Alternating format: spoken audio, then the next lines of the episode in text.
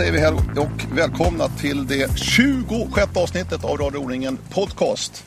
Här sitter vi i en eh, underbart fin park på Söder i Stockholm vid Hallandsgatan. Eh, En skön sensommardag så här i början på september och Gustav Bergman, välkommen. Tack så mycket. Skön oas det här är du, i Stockholm. Vi kommer undan trafik. Vi gick på Ringvägen här lite stund och så kom vi in hit till parken. Mm, ja, väldigt trevligt. Nästan exakt två månader sedan nu, sedan eh, VM i Italien, eh, där du sprang medeldistansen och stafetten. Vi vet ju resultatet, nia på medel och VM-guld i stafetten. Hur mycket har du sugit på den där guldmedaljen, Gustav? Ja, det är klart att jag har eh, njutit av den. Eh, sen så, eh, ja, jag vet inte. Jag har inte, inte tänkt jättemycket på den faktiskt. Eh, så här, ja, det, är inte, det är inte det som jag tänker på direkt när jag tänker på VM, utan det är mer på upplevelsen i övrigt. Liksom. Men ändå, det är väl dit man strävar någonstans som elitorienterad, att vinna ett VM-guld. Ska man inte kunna njuta av det då också? Jo, absolut. Jag har njutit av det. Det kändes fantastiskt bra.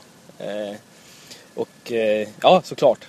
Det var, var skitkul. Men eh, det är inte, det är inte mitt enda mål eh, med VM och det är inte mitt enda mål med min orienteringskarriär att vinna ett, ett guld. Eh, men det är klart det var fantastiskt kul. Men ändå kan man tolka det som det var lite mixed emotions när du åkte ifrån VM. För att medeldistansen blev inte alls som du hade tänkt dig, Gustav. Nej, nej verkligen inte. Eh, Jag hade... Ja, det var, det var mycket som blev fel, kan jag säga. eh, I uppladdningen. Så det var inte, jag var inte alls på rätt plats.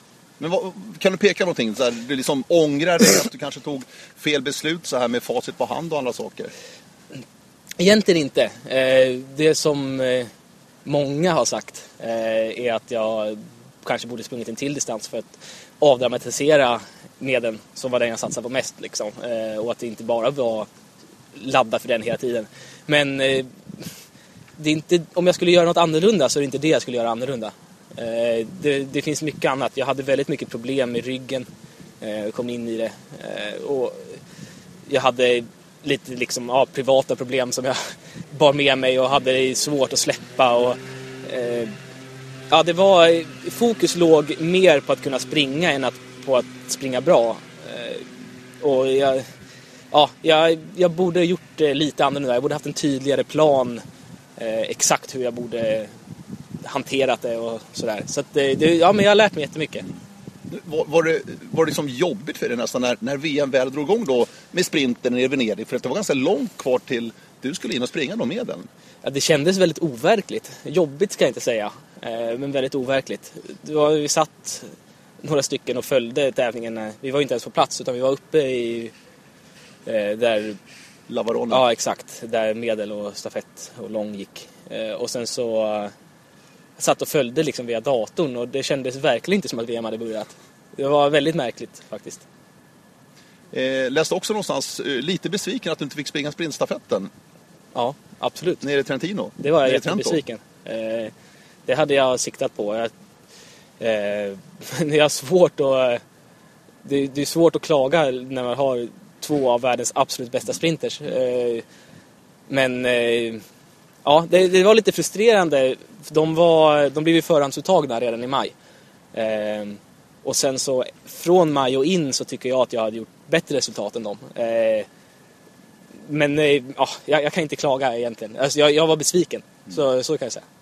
Nu fast på hand så vann du både upp i Luleå och SM sen i Uppsala. I sprinten just. Ja, absolut. Och sen så vet jag att just sprintstafett passar mig bättre än den vanliga individuella sprinten. Det blir lite mer ryckigare löpning och när det blir mycket folk och det blir lite, ja det passar mig bättre helt enkelt. Eh, och jag har sprungit väldigt bra. Jag tror att jag har varit, nu ska jag, inte, jag ska inte svära på det, men på alla sprintstafetter jag har sprungit tror jag att jag har varit snabbaste svensk. Eh, och det är ju, ja det passar mig bra helt enkelt så det är klart jag var besviken. Mm. Och besviken också efter medeldistansen. Du, ta oss igenom den där, den där dagen, den där medelfinalen, Mm. den där fredagen nere i Italien från, från start till mål. Hur, hur var den? När du ser det här backspegeln lite grann. Ja, jag vaknade med väldigt ont i ryggen. Eh, värre än vad jag hade haft egentligen någon dag på tre, fyra veckor. Eh, jag fick ju, ja, typ ett ryggskott, vad man nu ska kalla det för. Eh, en månad, drygt en månad innan VM. Eh, sen så blev det stadigt bättre ända fram till VM-veckan och då blev det sämre igen. Eh, så jag hade väldigt ont. Eh, och jag, ja, jag hade stora problem med det eh, när vi var i karantän. Och jag vill inte säga så mycket till de andra för att jag vill inte störa mig att här ligger jag och har ont liksom. Du höll det för Ja, själv? precis. för att det, det fanns inget jag kunde göra ändå. Jag hade ont i ryggen och det var bara att, att hoppas att det skulle släppa när jag sprang sen. Eh, så det var ju ett stort störningsmoment och sen så blev det lite missförstånd så vi fick inte, eller jag fick inte, ska jag säga, eh, den maten jag ville ha i karantän. Och det var egentligen inte ett problem. Eh, så. Men det blev ju ett stressmoment till. Och jag, alltså vanligtvis brukar jag kunna hantera sånt jättebra men det blev på något sätt för mycket. Och fokus låg inte alls på det jag skulle göra. Sen så när jag väl sprang, eller när jag väl stod på startlinjen och skulle starta så då kände jag mig ändå fokuserad på uppgiften och jag sprang iväg, kändes bra.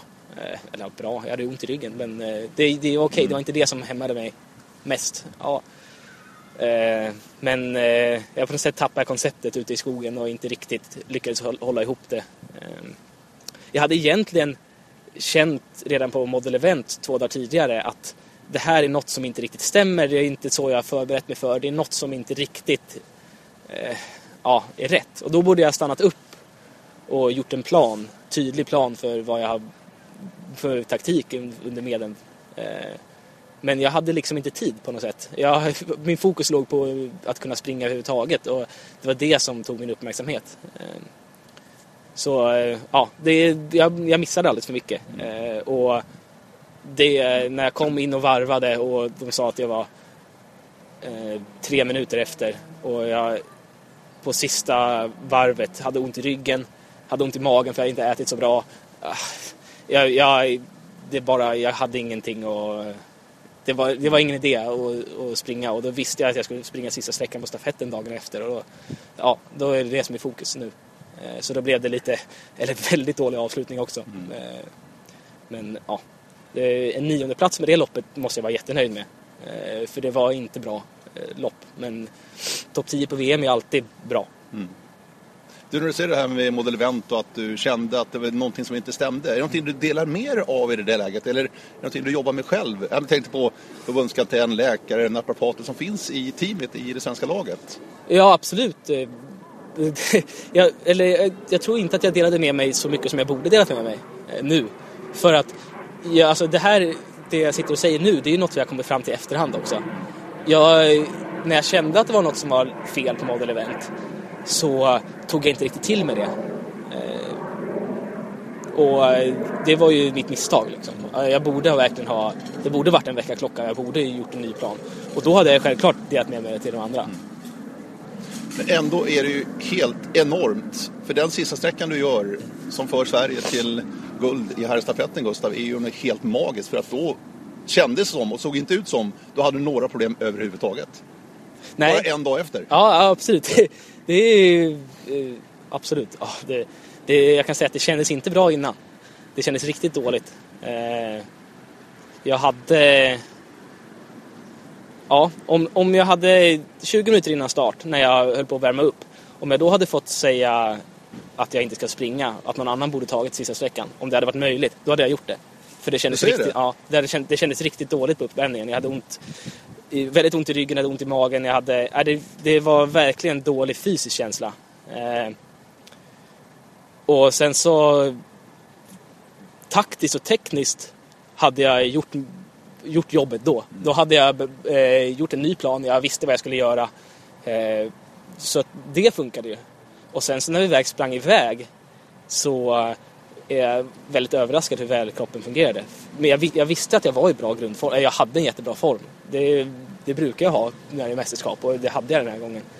Eh, och när taktiken och tekniken stämde då klaffade det andra också.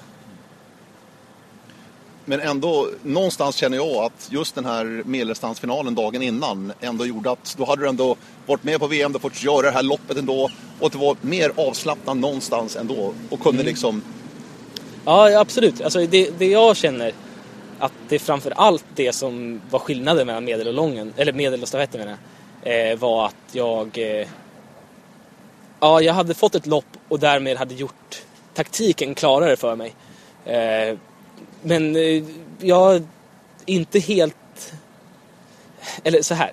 Det, det hade säkert varit bättre om jag hade gjort ett lopp innan, som det var nu. Eh, och då hade kanske medlen gått bättre.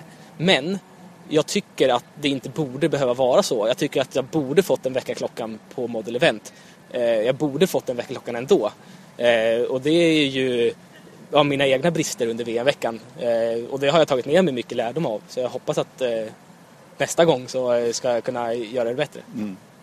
För om helt krast Gustav så hade du kunnat välja precis vilken distans eller vilka distanser du ville springa. Både sprint, lång och medel. Mm, så var det. Eh... Men du var ganska tidigt klar med att det är medel som gäller i sommar i Italien. Mm.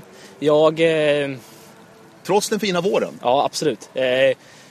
Jag... Eh, min... Eh, ja, så här. Jag, jag tror på att man ska vara utvilad till stafetten. Jag tror på att man ska vara fräsch och pigg i kroppen. Eh, och, och i huvudet framför allt kanske. För stafetten var ett, ett av mina huvudmål. Och jag tycker att vi tidigare år, inte alltid, men ofta har ställt upp med lite för slitna löpare. Och det har inte funkat. Eh, och det har jag och Håkan, förbundskaptenen, pratat om ganska mycket. Eh, att jag tycker att vi bör ställa upp med fräscha löpare på stafetten. Stafetten är det är, vi, vi ska prioritera den lika högt som alla andra distanser. Det är inget att vi, ja, vi ska ta ut våra individuella löpare och sen så stafetten, det blir de som sprungit bäst innan. Utan nu vi ska ta ut som om, ja, stafetten är liksom en del av planen från början. Och eh, när jag har det som utgångspunkt och stafetten vill jag verkligen springa, det är prio ett. Är det prio ett säger du? Ja, det måste jag säga. Jag tycker det är fantastiskt kul. Eh, sista sträckan på stafetten, det finns inget annat som är roligare. eh, och när jag vill springa det, då kände jag direkt när jag kollade på VM-programmet att okej, okay, lång och medel och stafett, då blir det tre lopp på fyra dagar. Det är för tufft. Eh, det, då ska jag välja bort antingen lång eller medel. Det, det finns inga alternativ. Eh, och då, i år fick det bli lången, för jag tyckte att eh, terrängen passade mig bättre på medel. Eh, och det var egentligen bara det som var orsaken till att det blev medel istället för lång. Eh, sen så så här i efterhand så kanske lången hade varit bättre för mig. Eh, eller det är svårt att säga men eh, det är möjligt att det hade varit så. Mm. Eh, men nu tog jag ett beslut och det står jag för fortfarande. Jag tycker att det var ett rätt beslut. Ja, det slutar ju verkligen i triumf. Mm, ja, men precis. Och det, det var ju det som var taktiken, att jag skulle vara utvilad till stafetten. Och kände du det då? För att det var ju Thierry då framförallt som mm. jagade och han hade ju både lång och medel i benen. Var det en, ett skäl till att du ändå höll undan på det snygga sättet du gjorde? Du inte bara höll undan, du drog ifrån på sista halvan. Ja, absolut. Jag tror att det kan vara en stor anledning. Eh, sen så vet jag att det passar mig väldigt bra. Eh, en stafett så. Eh, och vi, men det, ja, det var verkligen eh, det var verkligen st någon stor skillnad på den fysiska kapaciteten den dagen. Alltså när vi sprang iväg, ja, när vi har sprungit i den tredje banan och vi hade plockat in Kyburts och Thierry sprang där och jag, jag sprang bara tassade bakom. Jag kände det här är ju inte... Alltså springer Thierry och, och bara liksom, jag förstod inte riktigt om det var att han sprang och bevakade bara och hade jättemycket mer att ge eller hur det var. Men det verkade inte som det utan jag sprang bara där och hade ja, var helt lugn liksom.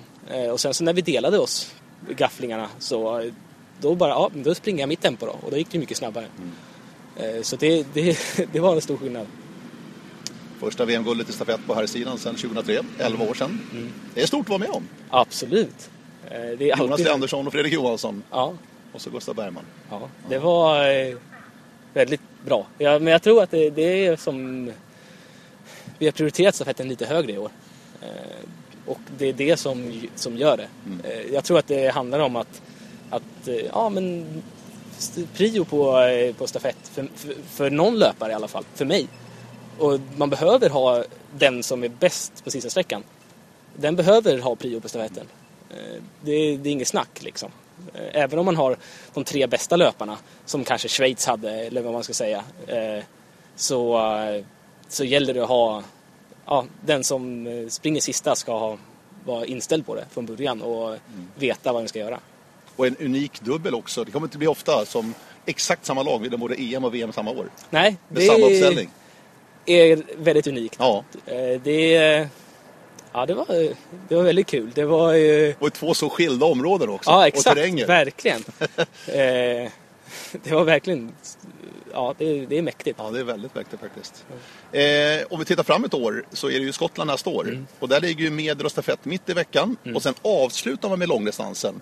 Kommer det här innebära att du kanske har en annan planering för nästa år, Gustav, redan nu som du ser? Ja, det, så är det ju. Eh, jag eh, tänker mig att jag kommer springa både medelstafett och lång. Eh, de kan ta- tömma sig liksom sista dagen med långdistansen, ingenting Lången, bakom. Ja, exakt. Lången är det som kommer slita mest. Det är, så brukar det vara. Eh, och jag vet att jag, inte alltid, men jag kan bli väldigt, väldigt sliten av en lång distans. Det kan ta flera dagar att återhämta mig. Så att, eh, som det var i år, att springa en lång, vila en dag och springa medel. Ja, men då vet jag att på stafetten kommer jag vara sliten. Eh, men eh, när det är medelstafett, det kan jag klara av, det kan jag hantera och klara mig. Sen så är inte det lika lång återhämtningstid på en sån sak. Så då kommer jag vara fräsch på lången också. Så det tror jag är för mig ett bättre upplägg. Du, eh, backa bandet lite grann. Förklaringen till eh, ditt kliv i år. Jag tycker du tog, ett tydligt kliv verkligen. För i våras så var du i en enormt bra form. Vi såg det både i Silva League-tävlingarna, alla tävlingar egentligen, även i stafetter av mindre värde egentligen. Men du var en otroligt bra fysisk form i våras, Gustav. Ser du någon förklaring till att du tog det här steget till i år? Alltså jag, jag tycker att jag har tagit ett steg varje år. Ja, det är, jo, jo, men nu, nu backar vi till 414 bara. Eh. Ja. Ja, absolut. Absolut, ja, ja. Så att jag, men jag tycker att jag, jag har ju min plan, min långsiktsplan som jag jobbar efter och jag utvecklas varje år fortsatt. Eh, och det känns jättebra. Och en förändring som jag har gjort inför det här eh, är att jag har valt att orientera på heltid. Att bara fokusera på det. Eh, och det har jag gjort i ett och ett halvt år nu. Och det, eh, för mig har det varit en stor skillnad för att jag har kunnat fokusera mycket mer på återhämtning och på lite mer specifik träning inför mästerskap och sånt som har, ja men jag tycker att det har, det har verkligen lyft min satsning, absolut. Du, när, när bestämde du dig, Gustav?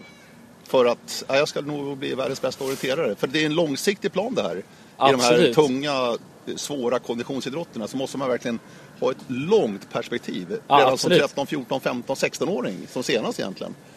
Ja, så är det ju. Jag, När känner du att, ja okej, Ja, det, det, här, det här är ju väldigt svårt att säga, men Ja. eh, när jag var 16 och skulle börja på gymnasiet, då eh, gjorde jag en plan. Eller jag och mina föräldrar, de, eh, det var mest de som gjorde en plan. Nej, det är inte helt sant. De frågade mig, eh, ja men vill du satsa på orientering liksom? Eh, ska vi göra en plan för, vet du hur mycket vi ska träna och så här? Jag bara, ja det kan vi väl göra, typ. Inte för att jag då bestämde mig för att jag skulle bli bäst i världen på orientering, men jag bestämde mig för att jag, jag kan, behöver ju inte slänga bort mina chanser till att bli bäst i världen på orientering. Vi gör en plan och sen får vi se vad som händer. Och sen så egentligen så har jag blivit, för varje år som har gått, mer och mer seriös, mer och mer inställd på att det är det här jag vill göra, det är det här jag vill satsa på. Eh, Så det har liksom varit en gradvis eh, framväxt liksom av det här. Eh, och du har fått liksom några sådana här hållpunkter också, något juniorguld där, Mm. JVM-guldet i Italien 2009 och liksom bockat av och känt, ja men jag är nog på rätt väg. Ja, absolut. Jag, som sagt, jag tycker att jag utvecklas varje år eh, och fortsätter att göra det. Och så länge jag gör det så eh, är det, det är väldigt enkelt att, att träna. Det är väldigt lätt att bara fortsätta följa min plan. Eh, så det känns ju väldigt tryggt. Hur mycket bollar du med eh, farsan Kent? Är det ett bollplank vad gäller träning? Eh, ja, både mamma och pappa, Ann och Kent, eh, som är de som hjälper mig absolut mest. Och det är fortfarande så? Ja, så är det. Egentligen så har jag lite mindre hjälp av dem nu än vad jag hade som junior. Då var det väldigt tydligt. Jag, jag, mitt, min inställning till orientering har också förändrats ganska mycket sedan dess. Eh, jag var väldigt... Eh, ja, men jag, jag var lite mer... Eh, vad ska jag säga, lite nördigare liksom. Eh, Jag var, jag var väldigt noga med träningsdagbok, väldigt noga med träningsplaneringen, väldigt noga med eh, mycket liksom. Och då var de jätte, jättestor hjälp till att styra upp det här. Eh, som det är nu så, eh, ja jag har inte fyllt i träningsdagbok i år. Eller så? jag har inte fyllt i träningsdagbok på tre år. Det är så egentligen. alltså? Ja, så är det. Eller jag har försökt. Eh, men det har ja, ballat ur och jag har inte orkat. Eh, så det har gått fram till, eh, ja, första året så gick det väl fram till, eller från när jag var 16 fram till jag var 21 har jag fyllt i varje år väldigt noggrant. Och sen när jag var 22 så ja, då blev det väl fram till september någon gång. Ja, och sen så blev det fram till maj och sen så i fjol så, eller i år, så, ja i fjol så blev det fram till maj och i år så blev det fram till mars. Och sen så tror jag nästa år är det första året jag aldrig kommer försöka ens. Du har insett Jag det. har insett att det inte, inte nej det kommer inte gå. Men vad säger det här då? Att du jobbar mycket på känsla just Ja, nu? eller? det gör jag absolut. Precis Men- som i terrängen och din teknik tycker jag också bygger väldigt mycket väldigt på känsla. Absolut, det, så är det nu också eh, i min träning också. Men eh, jag gör fort, fortfarande en väldigt tydlig plan eh, för hur jag ska träna. Eh, och det, där är mamma och pappa väldigt till stor hjälp. Och Hur ser den ut, den planen? Alltså är det någonting skriver ner på papper? Mm, ja, absolut, det gör vi. Ja. Den, eh, hur precisa är ni i den planeringen? är väldigt precisa. Eh, Det är dag för dag program. Liksom. Ja, det är så. Men sen så eh, har jag aldrig följt programmet fullt ut någon gång. Men det är något att hålla sig i och det är jättebra.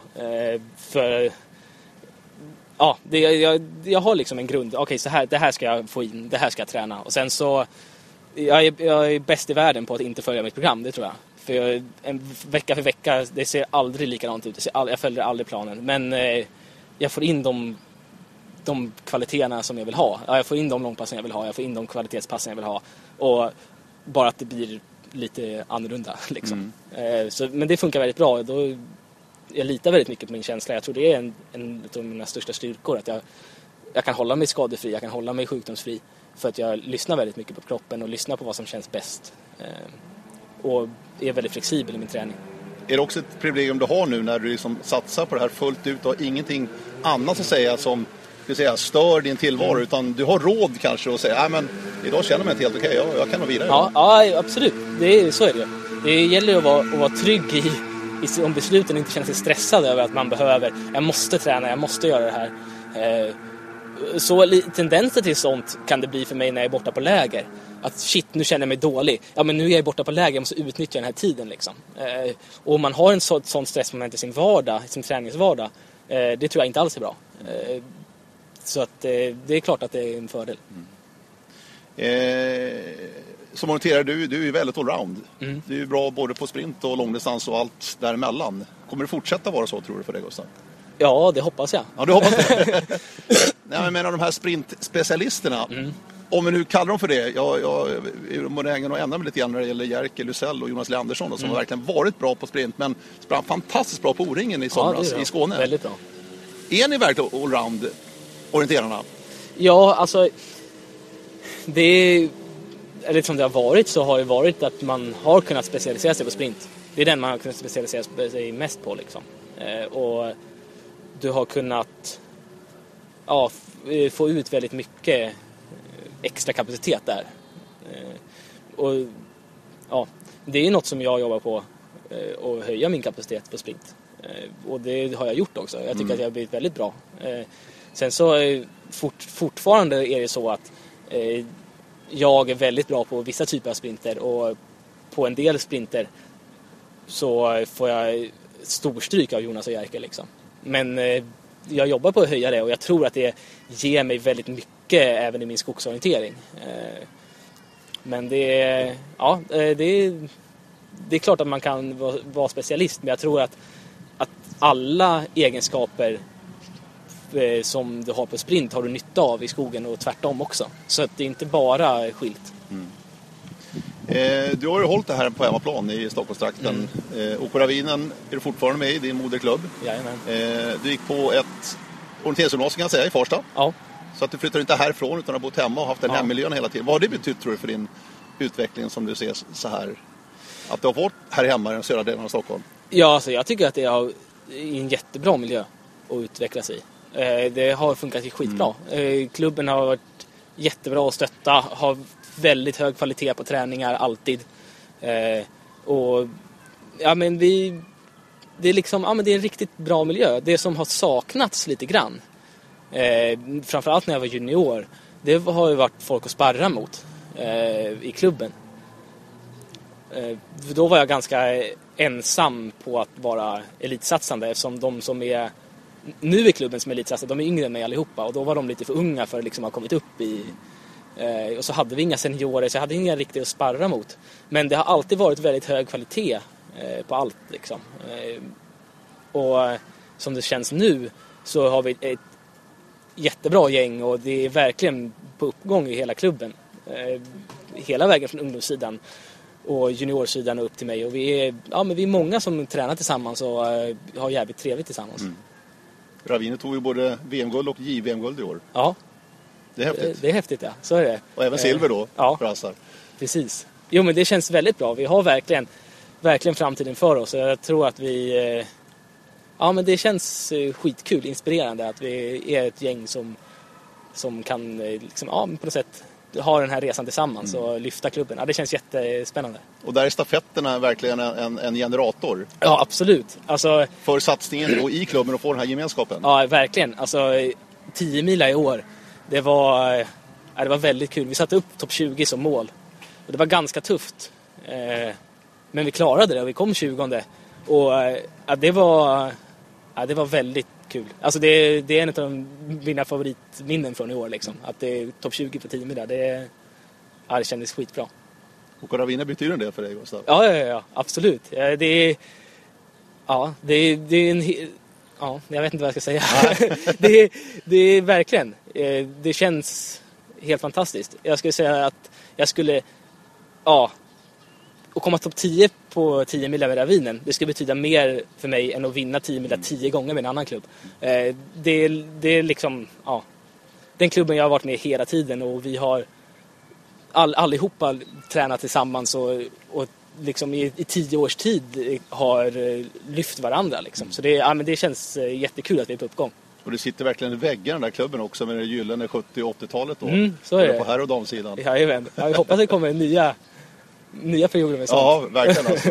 Nu är konkurrenssituationen lite annorlunda Ja, på den är här det. Ja, tiden. så är det. Med klubbar som verkligen eh, har abonnerat på segrarna, både Mm. Norge och Finland då, som, vi, som vi vet.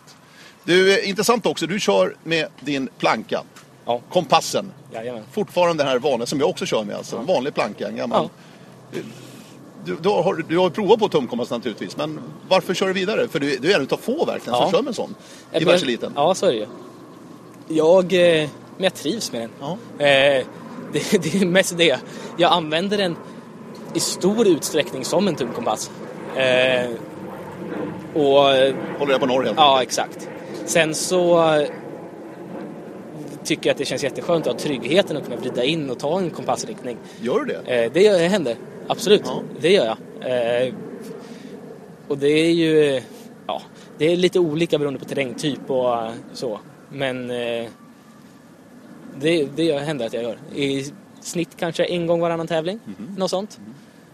Eh, och det är, ja, det är en trygghet att ha. Jag vet att jag springer väldigt rakt när jag gör det och att det funkar väldigt bra för mig. Eh, sen så har jag... Eh, ja, det passar mig väldigt bra för jag, jag springer inte med kartan i samma hand hela tiden och jag, jag flyttar runt lite grann och ja, sådär. Så då eh, när jag har testat tumkompass så har jag helt plötsligt så stått med tum, tumkompassen ensam i en hand utan karta och det har inte funkat bra alls. Eh, den blir väldigt instabil och det är inte alls eh, liksom rätt känsla på.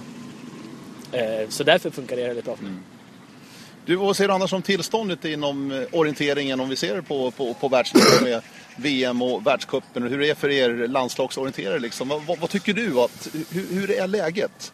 Hur mår orienteringen, tycker du? Får ni den uppmärksamhet ni förtjänar? Det är lite dit jag vill komma. Ja, alltså eh, rent generellt så tycker jag att vi nu jämfört med för fem år sedan är väldigt mycket bättre. Det är jag helt övertygad om.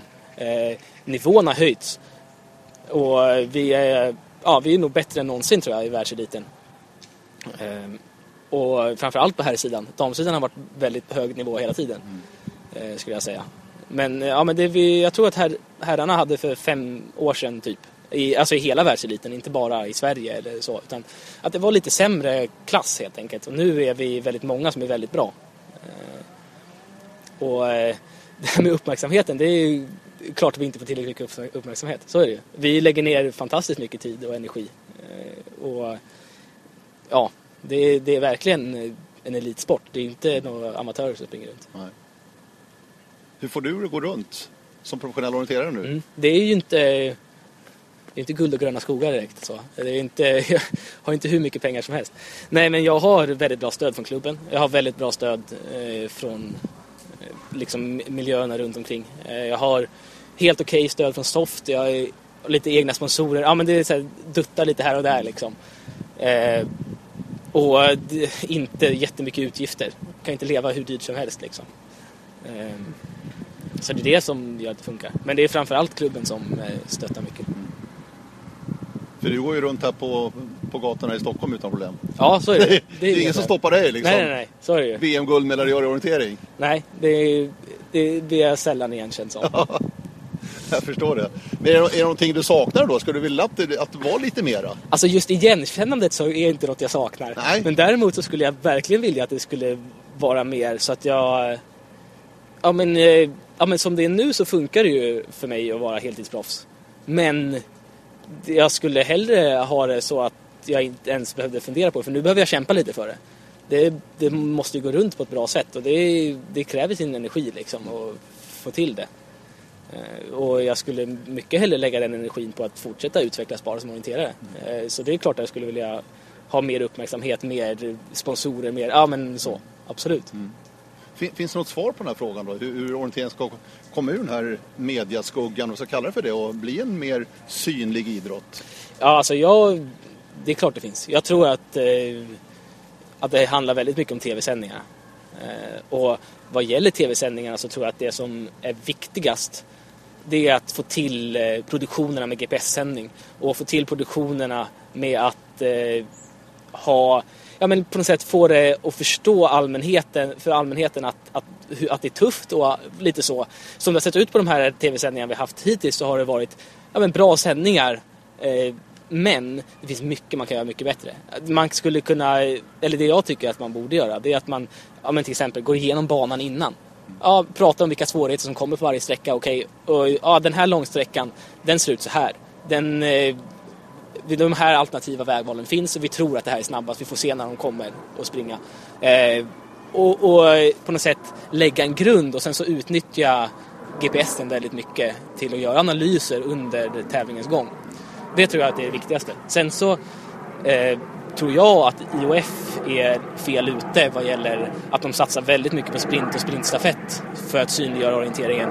Eh, och jag, jag, jag, känner att det är fel väg att gå. Jag tycker man ska lyfta fram lång och medel och stafett eh, mer. Det är, det är tydligare på något sätt. Det är, framförallt långdistansen är kanske det som är bäst tv-mässigt, tror jag.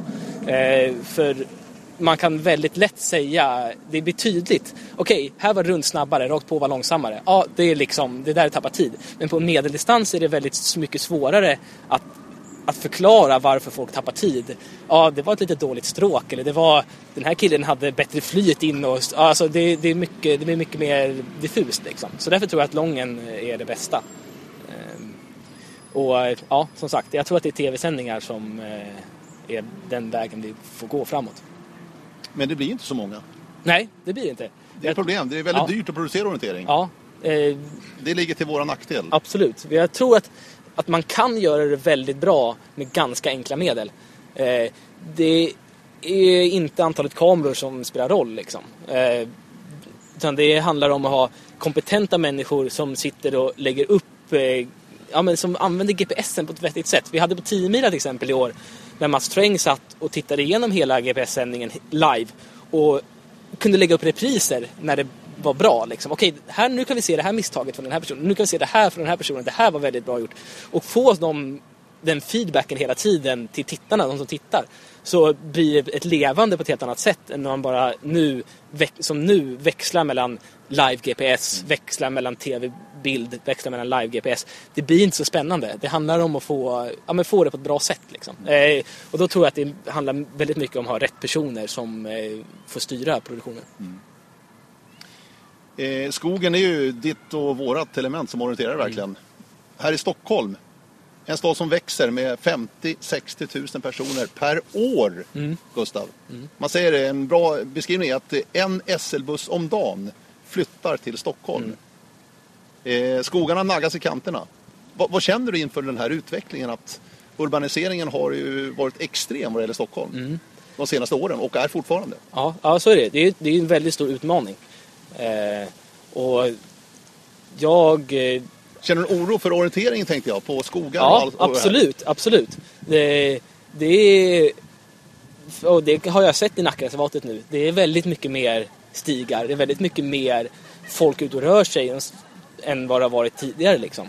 Det är ju sig positivt. Ja, absolut. Ja, men på ett sätt är det ju skitbra att folk kommer ut i skogen. Eh, men ur ett bara krasst orienteringsperspektiv så blir det ju sämre orienteringsterräng när det är mer stigar. Liksom, och det blir mindre utmanande. Och, eh, nu kanske kanske Nackareservatet ett ganska dåligt exempel eftersom det är väldigt hårt utnyttjat. Liksom. Eh, men eh, det, det är klart att det är ett, ett problem och som vi har sett också de senaste åren ett stort problem för Stockholmsorienteringen har ju varit att eh, staten har sålt ut stora mängder mark till privata ägare som eh, jag inte alls har varit så positivt inställda till orientering och det har varit svårt att eh, utnyttja de områdena som finns. Eh, Men det är, det, är, alltså, det är absolut en stor utmaning. Det är det. Och även här inne där vi sitter, den här sköna oasen här ute på Söder. Så är de här också i- i riskzonen kan jag säga, Ja, parkerna inne i Stockholm. Så är det absolut. Det är, Och man känner vi sitter här bara, hur Ja. skönt det är. Ja, absolut. Det vore väldigt synd om den här parken försvann. Men det är ju ja, men det är som sagt en stor utmaning när en stad växer så snabbt. Eh, och jag tror att eh, ah, det, det handlar om att, att eh, man måste göra på rätt sätt. Och det är också så att eh, ja, det är ju bostadsbrist i Stockholm. Eller det beror på hur man ser det också. Det är ju brist på billiga bostäder i Stockholm. Eh, det finns ju mycket femmor och, på Östermalm och så här som, eh, som folk inte bor i. Men eh, ja, det är, ett, det är ett problem. Det är ju... Eh, det, förtätningen måste ske på ett väldigt klokt sätt. För det är ju så eh, alla partier egentligen har gått ut med att säga att vi ska förtäta och inte förstora Stockholm och inte bygga utåt utan eh, försöka förtäta. Eh, och det krävs att man gör det på ett väldigt klokt sätt. Eh, men eh, ja, det är en utmaning. Det stunder ett val på söndag. Mm. Eh, som det ser ut just nu vad det gäller opinionsundersökningar annars så kan det bli ett eh, regeringsskifte. Mm. Eh, där Alliansen kommer att få kliva av efter två mandatperioder. Mm. Du har tagit tydlig ställning inför valet, Gustav. Ja, absolut. Eh, feministiskt initiativ. Kallar du för femini- feminist? Ja, absolut. Vad lägger du din, din, din, den värdering för dig själv, Gustav? Alltså, eh, jag står för alla människors lika värde. Jag vill att eh, man ska ha samma möjlighet oavsett om du är man eller kvinna, oavsett eh, om du är, vilken sexuell läggning du har, vilken etnicitet du har. Eh, och att alla ska ja, men, ha samma möjligheter helt enkelt. Eh, och som det ser ut nu i Sverige så är det inte så. Eh, och egentligen eh, så, ja det är inte så många partier som aktivt ta ställning. Det är många partier som säger att det är självklara saker, att det ska vara samma möjligheter, men det händer inte så mycket. Eh, och eh, ja, men det är, det är därför jag röstar på Feministiskt initiativ. Det är därför jag tycker att de behövs i Sveriges riksdag. Mm. Annars så eh, kan ju många, eh, jag är inte de känna en stor oro. Det, Europaparlamentsvalet i våras var ju ett brunt val verkligen. Ja, Högerextrema och nationalistiska krafter svepte över hela Europa, inklusive Sverige. Ja, Vad, så vad, det är- vad känner man inför det? Vad känner du Gustav? Ja, jag tycker det är väldigt skrämmande. Eh, och eh, ja, att Sverigedemokraterna nu kanske ser ut att bli Sveriges tredje största parti, det, är, ja, det skrämmer mig väl, verkligen. Det är, jag tycker det är hemskt. Eh, det är inget jag står för överhuvudtaget. Eh, jag tror att det, att det är jättesvårt eh, och, problem att handskas med, men jag tycker att de senaste fyra åren har det hanterats väldigt dåligt. Jag tycker att det är det var helt fel att som Fredrik Reinfeldt skapa en regering, en minoritetsregering där Sverigedemokraterna sitter på en vågmästarroll i riksdagen. Det är ju helt, ja men det är, jag tycker, jag, jag, blir, jag blir förbannad. Det är inte okej att göra så. Det är, han sätter Sverigedemokraterna i en, en maktposition som eh, Ja, som det, det finns inte. De, de bestämmer liksom. Eh, och det är, ja, är verkligen eh, inte okej att göra så. Eh, och som det ser ut med eh, eh, Sverigedemokraterna som är ett neofascistiskt och rasistiskt parti i grunden. Eh, det som man måste göra det är att för det första eh, det snackas ofta om att man ska ta debatten och så här. Men man ska absolut inte ta debatten. För deras frågeställning, deras problem, problemställning är helt felaktig i grunden. Så det är inte det man ska göra. Man ska inte gå upp och debattera på lika villkor med dem. Utan de har en felaktig frågeställning. Eh, de det tystas menar bara? Nej, men de ska inte ges något utrymme. Nej. Det, det de ska göra, det, de, behöver inte, de ska inte ignoreras, absolut inte. Utan de ska, det ska påpekas att deras frågeställning är felaktig. Det är det som, det som debatten ska handla om. Det ska inte handla om eh, asyl och eh, invandring. Och det ska inte, man ska inte debattera det på deras nivå. Det handlar om att ni har, ni har en felaktig frågeställning, vi måste gå bort från den. Eh, och sen så är det viktigt att man eh, inte ger dem någon makt. Eh, de får inte sitta på en vågmästarroll i riksdagen. Eh, det, det, kommer inte funka. Eh, de, då får de utrymme, då får de makt, de får igenom frågor eh, som, eh, ja det är inte, det är inte okej okay, helt enkelt. Och sen så det, det, tredje är att det är viktigt att faktiskt kalla dem för de, vad de egentligen är. De är rasister, de är fascister. Eh, Även om de själv är väldigt tydliga med att försöka stryka över det ehm, så är det viktigt att, att lyfta det. Och det är de här tre sakerna som, som jag tycker att vi har gjort fel eh, under de senaste fyra åren. Och jag hoppas att det kan bli en förändring. Men kommer ett eventuellt regeringsskifte ge några radikala förändringar, tror du? Om nu Stefan Löfven och Socialdemokraterna får chansen att bilda en regering tillsammans med, ja, om det blir Miljöpartiet, Vänsterpartiet, det vet ju ingen i dagens Nej. läge. Men tror du kommer att se några radikala förändringar? Jag tror det. Eh, eller som det har låtit på eh, Stefan Löfven i hans uttalanden så vill inte han ha en minoritetsregering. Han vill ha en majoritetsregering. Eh, vilket kommer peta ut eh, Sverigedemokraterna då från maktpositionen de har. Eh, och sen så, om man tittar rent historiskt sett och tittar i de andra länderna i Europa så de som alltid har tagit väldigt stort avstånd från de neofascistiska partierna, det är vänsterkanten. Eh, och jag tror att eh, om Miljöpartiet, som alltid har väldigt starka och välkomnande åsikter i asylfrågorna, Eh, och Miljöpartiet som, de kommer troligtvis ingå i en regering. Och om Vänsterpartiet kommer med, eller kanske till och med Feministiskt initiativ, då kommer det vara en helt annan sak. Det tror jag. Jag hoppas det i alla fall. Vi får väl se, men jag hoppas det. Ja, då på söndag. Om vi tar oss tillbaka till orienteringen. Mm. Hur jämställd är orienteringen tycker du? Ja, det är ju en intressant fråga. Mm. Jag tycker att vi är duktiga på det. Eh, absolut. Eh, och framför allt vad gäller uppmärksamhet och vad gäller eh, pengar och sånt. Eh, som är kanske det stora problemet eh, i samhället i stort. Vad gäller det så är vi väldigt duktiga i orientering. Väldigt bra. Tjejerna får mer uppmärksamhet i media än killarna just nu i svenska landslaget för att de har, har de stora stjärnorna liksom. Eh, och det är ganska unikt. Eh, det är inte så många idrotter där det är så.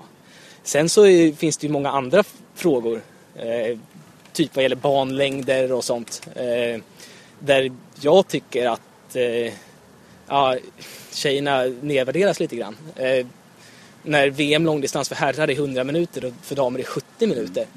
Det är ju det är en helt annan sak. Eh, alltså den, den, den här sista halvtimmen, det är den som är orientering, det är den som är långdistans. Damerna får inte springa den. Eh, det tycker jag att vi generellt borde bara säga att att det handlar om lika lång tid i skogen. Det är inte kanske inte samma banlängder, det är ju att ta i, men eh, lika lång tid i skogen. Det ska vara samma segrartid på alla distanser. Eh, och där har vi mycket att lära eh, och mycket att förändra. Och, och, samma sak vad gäller stafetterna för damer på 10 mila. De har fem sträckor alla på dagen, ganska korta. Nu har det visserligen kommit lite förändringar till nästa år men där kan vi göra mycket. Eh, och det tror jag är väldigt viktigt för eh, orienteringen på damsidan. Jag tror att det, det kommer lyfta. Mm. Om man gör en, ja men gör tuffare, gör det, ja men det ska vara, det ska vara en tuff sport. För orientering är en tuff sport. Det är ingen idé att ha några halvmesyrbanor liksom. Utan det ska vara ordentligt. Mm. Eh, ett område där orienteringen har gått helt vilse. det är ju att få invandrare, första generationens, Ja. andra generationens, tredje generationens invandrare. Det är knappt någon som håller på med orientering. Nej, det är ett stort problem. Va, Det, Varför är det så? ja, det kan man verkligen fråga sig. Alltså jag tror att en, en stor anledning det är att orienteringen är en generationssport. Och att vi verkligen, de, de flesta som håller på med orientering, de har orienterande föräldrar och det, det är liksom det är en enorm styrka för, för sporten. Men det är också en jättestor svaghet för att vi blir väldigt liksom, ja, heterogena och väldigt eh, Ja, det är ing- ingen stor skillnad. Vit medelklass, det är de som orienterar. Det är väldigt svårt att, eh, att liksom sprida orienteringen från det. Eh, Och där har vi definitivt en av våra största utmaningar inom orienteringsrörelsen i Sverige. Vi måste få in andra samhällsgrupper i orienteringen. Det är inget snack. Det, är, det tycker jag är det viktigaste som vi behöver göra. Eh, sen så en annan anledning till att varför det är så få invandrare som håller på. Eh, det är också det är inte så många länder som har allemansrätt. Det är inte så många länder som har tillgång till skog eh, på det sättet vi har i Sverige. Det är ju Sverige, Norge, Finland liksom, typ. Eh, och det är väldigt svårt eh, att, eh, att, att få, in, få in den tanken att, att skogen är en plats där man kan, faktiskt kan vara. Eh, det ser man ju också, inte bara i orientering utan vad gäller eh, utnyttjande av grönområden i, i allmänhet. Att, att invandrare, andra generationens invandrare, de utnyttjar det i mycket mindre grad. För att det inte finns i, i de länderna de har kommit ifrån. Det finns inte den, den liksom, ja, men kulturen att göra det. För att det är annorlunda. Det, är, det kan vara farligt att vara ute i skogen. Det kan vara Ja, men det är inte tillåtet. Oftast är det det som är grejen. Det är inte aktuellt för det är inte tillåtet. Eh, och det är en... Ja, det är också en utmaning. Jag tror att det, det kan vara en anledning eh, också. Eh, vi ska ta och runda av här alldeles strax. Eh, O-ringen podcast är det här. Radio O-ringen podcast till och med. Vad, vad betyder O-ringen för dig Gustav? Ja, är, har betytt under åren? det är en fantastiskt rolig tävling. Jag tycker det är väldigt kul. Eh, det är, jag gillar när det är tufft. Jag gillar det här med att tävla flera dagar på rad. Eh, Men i år var du tömd. I år var jag tömd.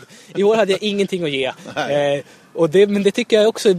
Det, jag, jag blir bestraffad för det under en O-ringen-vecka. Och det tycker jag man ska bli. Man ska vara stark, man ska vara eh, bra slag. Eh, det var inte, det var inte en kul O-ringen-vecka rent tävlingsmässigt för mig i år. Men jag tyckte det var en jättekul vecka.